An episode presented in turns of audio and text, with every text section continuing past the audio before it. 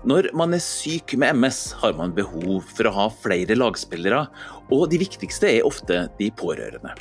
Men de pårørende har også sine behov, og trenger å bli sett og hørt i en helt ny situasjon. Denne episoden handler om nettopp det å være pårørende, å være den det ikke gjelder. I dag snakker vi altså om de pårørende til den som har fått MS.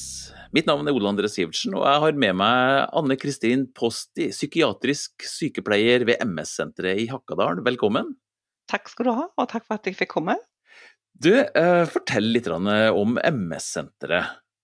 Ja, MS-senteret er et eh, rehabiliteringssenter for personer med, med, MS. Det ligger i Hakadal i Nittedal kommune. Det eies av MS-forbundet, og det er en del av spesialisthelsetjenesten. Ja. Det å snakke med de som har MS er jo selvfølgelig eh, hovedformålet med MS-senteret, men eh, dere har også et fokus på de pårørende. og Hvorfor er det viktig? Ja, vi tilbyr pårørendekurs for, eh, for voksne pårørende. Vi har også samtaler med barn som er under 18. Men det å ha fokus på pårørende er jo superviktig, for de har jo behov for informasjon. De har behov for støtte og oppmuntring på lik linje som de som er syke. Og så er Det jo sånn at det er jo naturlig at eh, det blir et stort fokus på den som har MS. Han eller hun går ofte inn i et strukturert løp med behandling, de får medisiner, de går på kontroller, de har timer hos nevrolog, og så er de kanskje på rehabilitering hos oss. Eh, for den pårørende så, så finnes jo ikke et sånt løp. De må liksom finne ut av, av ting sjøl. Ja. For det er jo sånn at eh, når noen blir syk, så påvirkes jo hele familien. Eh, den som er syk, får sine reaksjoner rundt det som skjer, og det får, de pårørende òg. Jeg pleier å si at man trenger ikke eie sykdommen for å reagere. Nei. Ehm, mange pårørende blir både redde og bekymra, og de får tanker som hva vil dette bety for meg og min hverdag? Eh, hva vil det bety for oss som par? Økonomien, hva med den? Ungene våre, hva tenker de, og hvor mye eller hvor lite skal de involveres? Mm. Men det må jo være et veldig sånn kaos akkurat i, i starten, når man får diagnosen også. Eh, hvor tidlig egentlig begynner dere å tenke, eller, eller involveres den pårørende som en part? Altså, De involveres jo veldig tidlig. Eh, MS-senteret er jo ikke en del av førstelinjetjenesten, så det kan godt gå noen år før de kommer til oss. Eh, og Mange sykehus har jo kurs for den som er syk, og involverer også da pårørende. Eh, og Hos oss så, så er de en del av oppholdet i en eller to dager, hvor vi da tilbyr kurs. Ehm, men fortell litt om hva disse kursene inneholder. Ja, vi har kurs over én og to dager. Eh, og der tar vi opp ulike temaer. Det kan handle om eh, sykdommen i seg selv, men også ehm, rundt dette med opplevelsen av det å ha MS, og det å, hvordan det oppleves å være i en relasjon til en som har MS. Altså det å være pårørende. Mange får aha-opplevelser på, på disse kursene. Fordi MS er jo en av de mest individuelle sykdommer en kan få.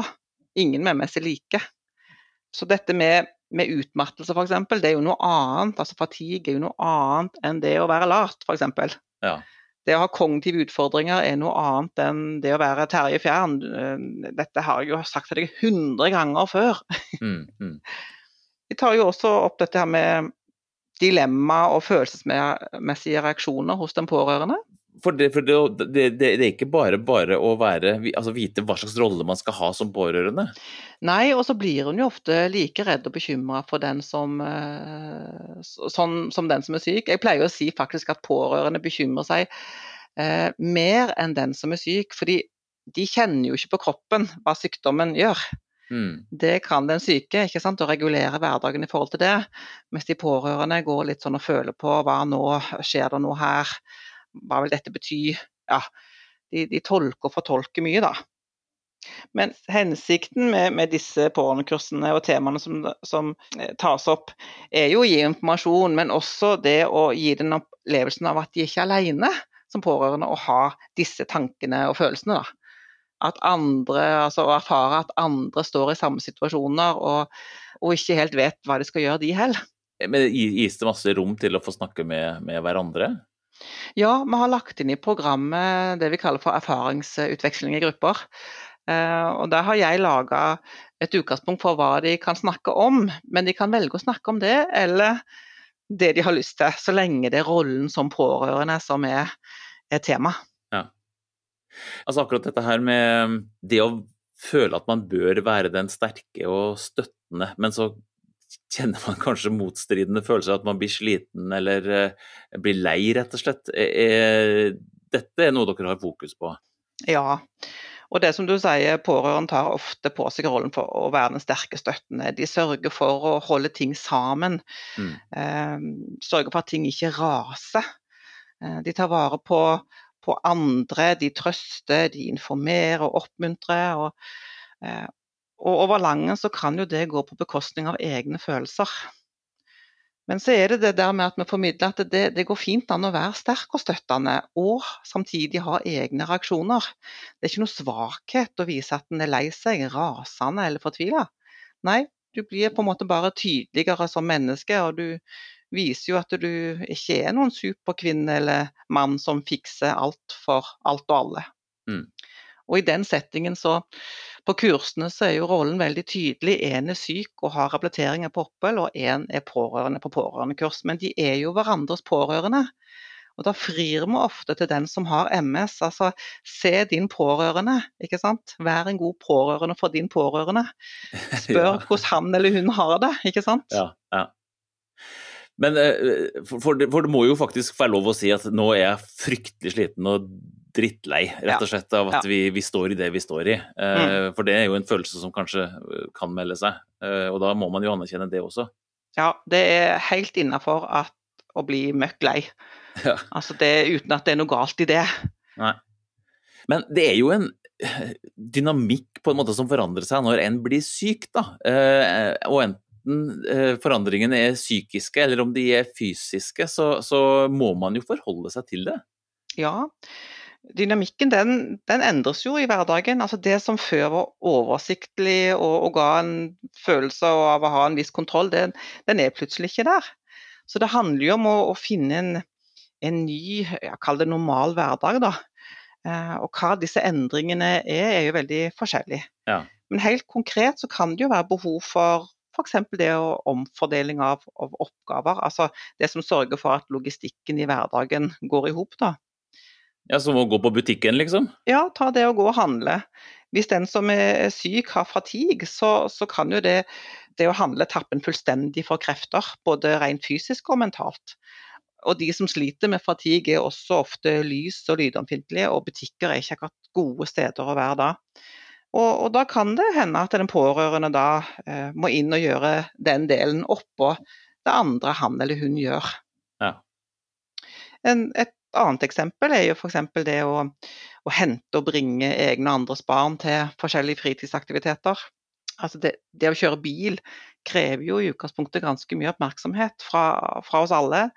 Men for en som, som, har MS, så kan det kreve enda mer kapasitet. Og barn de har ofte mye lyd. og de ja, ja. hører på radio, og de ler og de koser seg, og, og heldigvis for det. Men, men, det kan bli i overkant mye for den mammaen og pappaen som har MS og, og er sjåfør, hvis dagen ellers har liksom vært fylt med eh, ja, det sykdommen gir av symptomer, jobb, klesvask. Eh, ja. ja, hjelpe meg. Altså, eh, du trenger ikke å ha MS for å bli sliten av det, så det skjønner jeg jo veldig veldig godt. Ja. Men altså, eh, hvis man ikke kan kjøre til eh, trening, da. Man må jo være sammen i familien også? Ja, ikke sant. Og, det skal han fortsette å være. Eh, men så må han kanskje gjøre litt sånn små justeringer, da. Mm. Fordi den som har MS, mammaen eller pappaen, kanskje ikke eh, har ork til å være med på alt. Så når en før kanskje var med på fotballkamper, så kanskje ikke være med på alle. Og de fotballkampene som en ikke får vært med på, kanskje en da tar film, sånn at når poden eller, eller jentungen kommer hjem, så kan en vise Se, mamma, pappa, se hvor flink jeg var på fotball i dag. Mm. Så kan en liksom skape opplevelsen hjemme i sofaen eh, via en mobil, eh, istedenfor å måtte være med. Mm. Men altså, jeg blir, jeg blir sittende og tenke her at hvis man eh, har en som er syk, og man opplever hele tida at man forandrer på ting fordi at eh, sykdommen utvikler seg, eller at man har symptomer, da. Eh, er dette her lett å snakke om, eller blir det sånn at man gjemmer det vekk og, og, og blir den store elefanten i rommet? Nei, det er ikke enkelt. Altså fordi Vi liker utgangspunktet ikke endringer. Eh, endringer er jo skummelt. Og, og de endringene som en må gjøre pga. sykdom, ønsker en jo egentlig ikke. Så det kan bli ganske frustrerende. Altså Den som er syk, klorer seg fast til normalen, og, og kanskje den som pårørende ser behov for forandringer. Ja. Eh, og i det så kan, så kan, det bli en sånn ganske sånn vrien situasjon. Og dersom en da opplever at det ikke er rom for å snakke om akkurat dette, så tar det ikke lang tid før det hoper seg opp med både frustrasjon, sinne, tristhet. Og det, er en veldig vanlig måte å reagere på, fordi en rett og slett ikke vet hvordan en skal løse disse utfordringene. Da. Mm. Så nøkkelen her er jo det å, å snakke om disse tingene. Altså det, det, er jo utrolig viktig. Altså det, å, det å gå fra at MS-en er en fiende som skal beseires eh, åkke som, til, til, så smått å liksom begynne å tilpasse seg den nye hverdagen. Da. Finne gode løsninger sammen. Mm. Og når en tør å snakke om de tingene, så blir en jo veldig tydelig for hverandre, og det demper bekymring. Og så unngår en misforståelser. Og mange sier jo til meg at eh, når de først hører det, så kommer de på en måte eh, nærmere hverandre, og, og kjenner jeg blir alltid glad når jeg hører det. ja, ja. Men altså, hvordan, hvordan har, man, har, man, sitt årlige møte, eller er det ved middagsbordet hver dag? Eller hvor, hvor, ofte skal man ta opp sånne ting, egentlig? Ja, ikke sant. Og, og, og det er jo også veldig forskjellig fra person til person. Men, men vi, vi, tipser jo litt på dette her med å kanskje å, å ja, kall snakke sykdommen litt i hæl innimellom, da. Altså sette på agendaen litt sånn bruke altså, Pleier å bruke det eksempelet med Outlook, alle kjenner den. Der booker vi møter, ikke sant. Og hit og dit og opp og ned. Men, men i, på, i, privaten så er det sånn jeg skal bare, skal bare. Det koker fort bort i gården. Så det å sette litt på agendaen eh, noen uker kan være veldig lurt. Mm. Eh, men også litt sånn ta det når det passer seg. ikke sant? Altså litt sånn, ja, som du sier, ved middagsbordet eller i bilen. Mange, mange forteller om veldig gode samtaler i bil, altså. Ja. For det er litt sånn Hvis en da ikke sitter med mobil eller hører på musikk, så er det litt sånn reklamepause i, i livet. Og da kan en sitte og fundere på ting sammen, da. ja. Men da tenker jeg jo det at de, de tingene man måtte komme fram til, man må endre på. da, At man må, må si, framstille de på en måte som gjør at de heller ikke blir så negative. Ja, og det, det å kanskje tenke på at eh, endringer trenger nødvendigvis ikke gå fra å være noe som er godt til noe som er dårlig, det er bare annerledes. Ja. Det er en film som, som MS-forbundet har lagd som heter 'Pårørende være den det ikke gjelder'. Fire kapitler om å være den det ikke gjelder. Og Der er det et ungt par som, som sier noe om akkurat dette. Eh, og endringen MS-en har skapt i, i, deres liv, er jo at de er blitt bedre på å, å, være her og nå.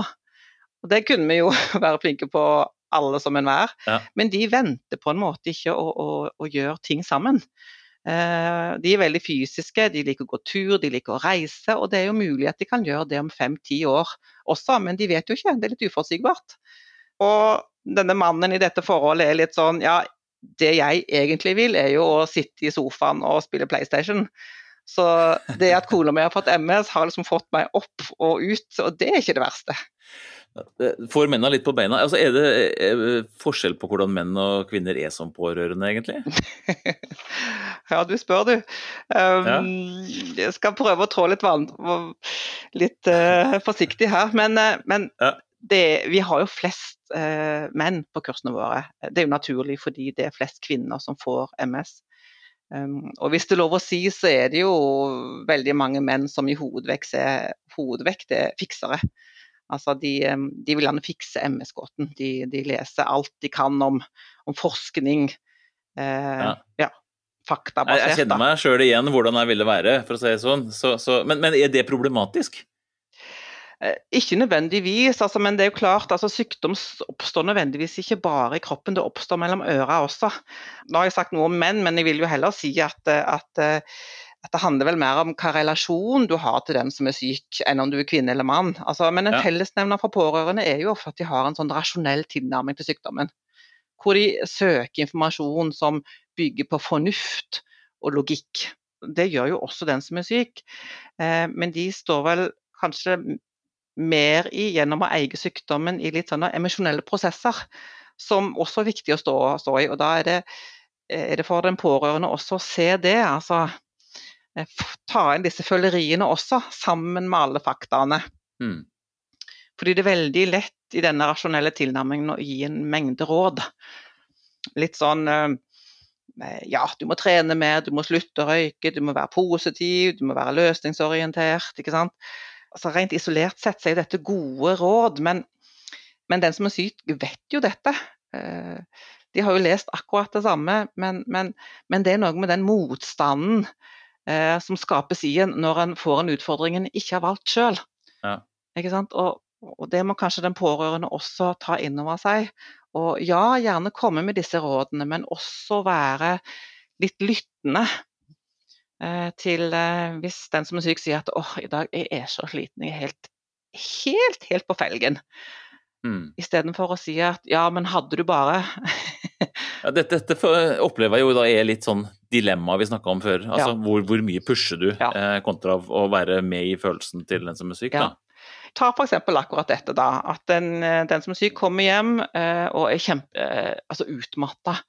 Eh, da er det lett å si at ja, åh, fall, sett, legg deg ned på sofaen, ikke sant. Eh, Her har du et pledd, her har du en kopp te, her har du en øl, fri tilgang på eh, fjernkontrollen til TV-en. Altså, og, det gir nødvendigvis eh, følelsen av at åh, dette er god, god omsorg. Men det er også god omsorg i å si at vet du hva, ja, jeg hører du er sliten, men nå har du sittet veldig mye i denne sofaen, kanskje du skal gå en liten tur mens jeg lager middag. Mm. Og i det spennet der, ikke sant, det er, det er omsorg eh, i begge. Men det er ikke alltid det ene mottas på lik linje som, som den andre, da.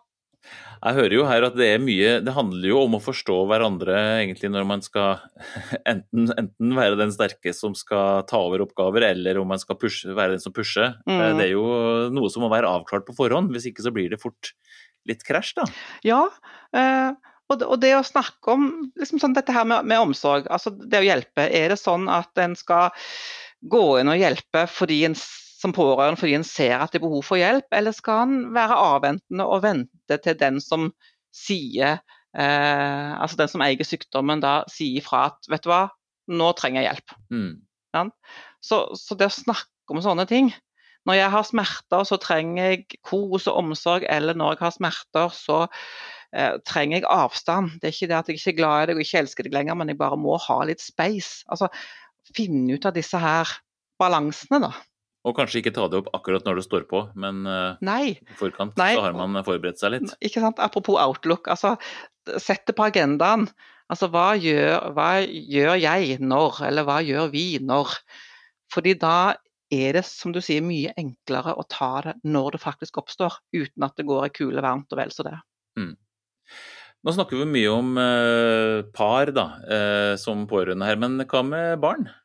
Barn de trenger å få informasjon, eh, og de trenger å få mulighet til å spørre om det de lurer på. Før sa vi det barn ikke vet, har de ikke vondt av. Det sier vi jo ikke lenger. Nå sier vi det barn ikke vet, har de vondt av. For det er sånn at Barn de, de senser når det skjer noe i familien, og de trenger å få vite hva som skjer. For Hvis ikke de, det blir sagt noe om det, så lager de sine egne historier og antakelser. Og det har sjelden rot i virkeligheten. Selvfølgelig alt avhengig av hvor, hvor gammel barn, eh, gammelt barn er. Da. Um, jeg nevnte jo at på senteret så gir vi tilbud om samtaler til barn og unge som pårørende. Men det finnes jo veldig mye informasjon som eh, den som er pårørende og den som er syk, kan, kan finne, som er spesielt egnet for barn. Nasjonalt kompetansesenter i Bergen de har egne nettsider med informasjon tilpasset barn. Det finnes eh, bøker og hefter som en kan lese for, eh, for barn. Ja. Eh, Den ene heter Skau, Skaugtussene. Den er for førskolebarn. Og så den som heter My Elins mamma har MS, den er for de litt større barna. Eh, så er det òg en podkast som, som, du har vært med og lagd, 'Foreldre og barn'. Mm. Den eh, gir jo òg tips og råd om det å prate med barn. Den har jeg hørt, og den er, den er veldig fin, så den vil jeg varmt anbefale. Ja, ja takk. Flott. ja. Uh, ja. Nei, men altså, det, det, det, å gå ut og skaffe seg litt informasjon, rett og slett, det er jo uh, det er nyttig. Uh, men, men, vi snakker ikke så mye om Outlook-avtaler med barna. Det er mer den uformelle settingen der man ikke lar det være en hemmelighet at man er syk, da. Ja, ikke sant. Ta det f.eks. hvis du tar medisiner, ikke skjul det. Eh, ta det mens barnet Du tar det ofte, mange tar det om morgenen, ta, og barnet sitter og spiser frokost. så si, Syns du det er rart at mamma bruker medisiner, liksom? Mm. Eh, og så kan barnet si nei, eller så kan en si ja, og så, og så, har du en samtale. Og hvis en f.eks. ikke kan være med på fotballkamp, si noe om at ja, det er den der hersens MS-en, vet du, den der drittsykdommen skulle veldig gjerne vært med. Det er ikke det at jeg ikke har lyst, men, men jeg kan ikke. Sånn at barnet fjerner seg fra at det handler om, om han eller hun, men at det Ikke sant? Skjønner. Mm. Dere har jo denne familieleiren på MS-forbundet, eh, der barn og unge også kan være med som pårørende. Hvordan, hvordan, er det der? Ja, MS-forbundet de har jo eh, lei, årlige leire, enten familieleire, og så har de også hatt rene leire for barn som pårørende, hvor foreldrene ikke er med. Eh, akkurat nå i denne koronatida så, så, ligger jo det litt brakk, da. Men det er veldig fine, fine leirer. Og der har jeg vært så heldig sammen med andre kollegaer å få vært med og hatt fakta om MS til barn. Så kommer vi si noe om hva, hva er MS til barn alt fra 6 til ja, 16 år. Det, det, de ofte lurer på Vi har på disse leirene så lager vi ofte en sånn liten sånn ja, vi kaller det for en postkasse. Det er en forsegla boks, rett og slett, som de kan skrive sine spørsmål ned og legge inn anonymt. For det er ikke alt en tør å spørre om når en sitter sammen med andre. Eh, denne åpner vi da i det som vi kaller for en spørretime. og Det barn ofte lurer på, det handler mye om det vi voksne kaller fatigue eller psykisk helse. Type 'hvorfor blir mamma så fort sur'? Um, hvorfor blir pappa så fort sliten? Uh, kan man bli sliten av å kjøre bil? Apropos det eksempelet jeg hadde. Ja, ja, ja. vi senser jo det. Um, og så har de òg tanker og spørsmål om selve sykdommen. Altså kan man bli frisk av MS? Uh, kan man dø av MS? Uh, og Hvorfor blir ikke pappa frisk? Han tar åtte tabletter om dagen, det synes jeg er rart. Ja. Og det er rart for et barn, ikke sant? Men det handler, jo, det handler jo, mye om, eh, om, de konkrete tingene man opplever i hverdagen, da. Og selvfølgelig noen av de store spørsmåla. Ja. ja. En salig god blanding. Ja, jo, men det handler jo, da, da, tenker jeg jo det at da er det jo det ting man Hvis man også adresserer det i hverdagen, så, så sitter man ikke med disse spørsmåla egentlig som man må på en leir for å få svar på. Eh, det Nei, er jo noe man kan egentlig snakke om. Ja, og det er ofte vi voksne som lager det litt vanskeligere enn det er. Altså Det er noe med å senke skuldra og bare være litt sånn litt, litt, spørrende, litt undrende. Eh, men også være klar over at barnet trenger ikke være klar for, den, for akkurat dette, selv om du er det. Altså Gi det litt sånn rom, men, men vær, litt på, vær litt spørrende. Eh, og Hvis du syns det er vanskelig. For som foreldre, spør en tante, onkel, en helsesøster. altså Få med noen på laget. For barn kan være veldig sånn lojale mm. eh, og på en måte stenge for, for den type snakk, da. I, for å skåne foreldrene sine, rett og slett. Mm. Mm. Hvis vi skal på en måte lage en, om ikke prioritert, så i hvert fall en slags liste da, for eh, råd til pårørende, hva vil du sette opp på den lista? Det første jeg vil, vil, si er noe med at det er viktig for pårørende å skaffe seg en oversikt og informasjon. Øh, litt sånn være med på kontroller, ikke bare være sjåføren. Eh, sett deg inn i behandlingen være med til nevrologen, eh, sånn at du kan få førstehåndsinformasjon, og at du kan få spørre dine spørsmål. Eh, gå på pårørendekurs. Gjerne flere. Det er vel også fint at man er to stykker som mottar informasjonen eh, når helsepersonell forteller hva de skal forvente seg? Ja, det er det. Fordi hvis den som er syk går alene, så blir jo den informasjonen sila på vei hjem. Så det, det å, å, sitte og få få den informasjonen som faktisk sies. Om man skal tolke det negativt eller positivt? Liksom. Nemlig. nemlig. Ja, ja. Mm, at det ikke blir uh, fortolka før du får det. Mm, mm. Eh, men pårørendekurs, det har du jo tommel opp for? Tommel opp, og gjerne flere, enten hos oss eller, eller hos andre. Det er jo andre også som gir den type tilbud. Og det å gå på flere handler om at det, første gang så er du opptatt av én ting, og neste gang klarer du å ta en, noe annet. Ikke sant? Mm. Det, det, er noe mm. med det spennet der. MS-forbundet har jo også likepersoner for pårørende. Eh, så du kan ringe noen andre som er pårørende og, og spørre og få råd og støtte. Så det der med å sørge for å, å, få lading, altså gjøre ting som gir energi. Gjør for all del ting sammen, men ikke slutt å gjøre de tingene som du pleide å gjøre for din del, før den du eh, bodde sammen med ble syk, da. Ja, riktig. Ta vare på seg sjøl i situasjonen, og eh, ikke bare handle for fellesskapet. Helt klart, ja. Og så det der med å, å, å lære å si ja takk når folk tilbyr å hjelpe. Det er kanskje vanskelig? Det, det, det er ganske vanskelig, men, men, folk ønsker å hjelpe. Eh, så si ja takk, og så får du som pårørende et pusterom og, og kan kanskje bruke den tida på noe du, du, har lyst til, noe som gir energi. Sammen eller alene. Mm. Og så er det det der med å senke skuldrene og pust. Altså godt nok er godt nok. En trenger liksom ikke gjøre alt riktig hele veien. Dette går greit, dette ordner seg. Det blir bra. Det høres jo ut som livsfilosofi for alle, dette her, da, men eh, det er jo sikkert spesielt viktig for pårørende å ta til seg. Eh, hvis man ønsker mer informasjon om eh, hverdagen som pårørende for en med MS, hvor finner man det? Ja, jeg har jo nevnt noe på dette med barn. Altså, det er utrolig mye som ligger på nettet. På vår nettside msenter.no under en fane som heter 'tilbud for pårørende', der ligger det et dokument du kan laste ned. Der har, har jeg sammen med kollegaer samla en del gode nettsider. Både til deg som syk, dine pårørende, voksne og barn. Så Der kan du starte. Godt utdrag av gode gode informasjonskanaler. Så det vil jeg anbefale. Kjempefint, og selvfølgelig så er jo denne podkasten her nå blitt eh, nærmest læreboka for deg som pårørende også, er det ikke det? jo, takk for det. I hvert fall, hvert fall et utgangspunkt. Eh, tusen takk for at du var med oss i studio, Anne Kristin Posti, psykiatrisk sykepleier ved MS-senteret i Hakadal. Jeg håper du som hørte på fikk eh, nyttig informasjon om det å være pårørende. Eh, MS-podden er i regi av Biogen. Abonner på MS-poden, så får du automatisk vite når vi tar opp eh, nye, viktige temaer og problemstillinger om MS, forklart av eksperter på området. Jeg heter Ole André Sivertsen. Tusen takk for denne gang.